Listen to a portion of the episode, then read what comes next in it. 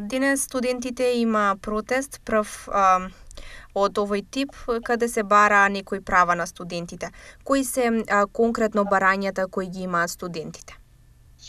А, барањата ги посочевме и во дописот, но претежно се фокусира на неисплатените стипендии, односно стипендиите кои што доцнеа веќе 4 месеци. Понатаму имавме проблеми со субвенционираниот оброк, а, исплатата на ваучери за превоз, а, буквално сите оние мерки кои што Министерството за образование ги има, не засегаат токму нам, а, целата таа системска неефикасност на Министерството и некоординираност доведе до тоа да нема на време ни исплати на овие мерки и да го потекне револтот кај студентите. А, така, а што планираат сега студентите? Кои се наредните чекори? Наредните чекори е да има исплати. Така што веќе имаме сознание дека исплатата е почната, но тоа не не престанува да бараме и понатаму имаме секако и други барања.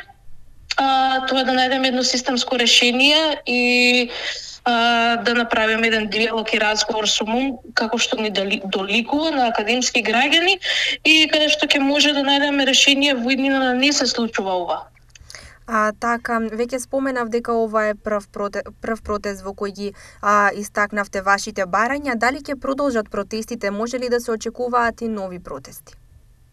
А, за сега не сме разговарале како универзитетско студентско собрание, но секако таа можност постои и секогаш отворена. Доколку нема системско решение, не се исплатат стипендиите и не ни се исполнат нашите барања, секако дека може да се очекува и иден протест.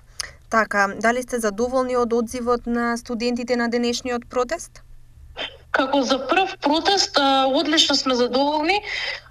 Гледаме дека студентите да се покажа на дело и беа заеднички сплотени и излегоа во солидна бројка, така што очекуваме дека и понатаму доколку би имало протести, би продолжиле да излегуваат во многу поголема бројка.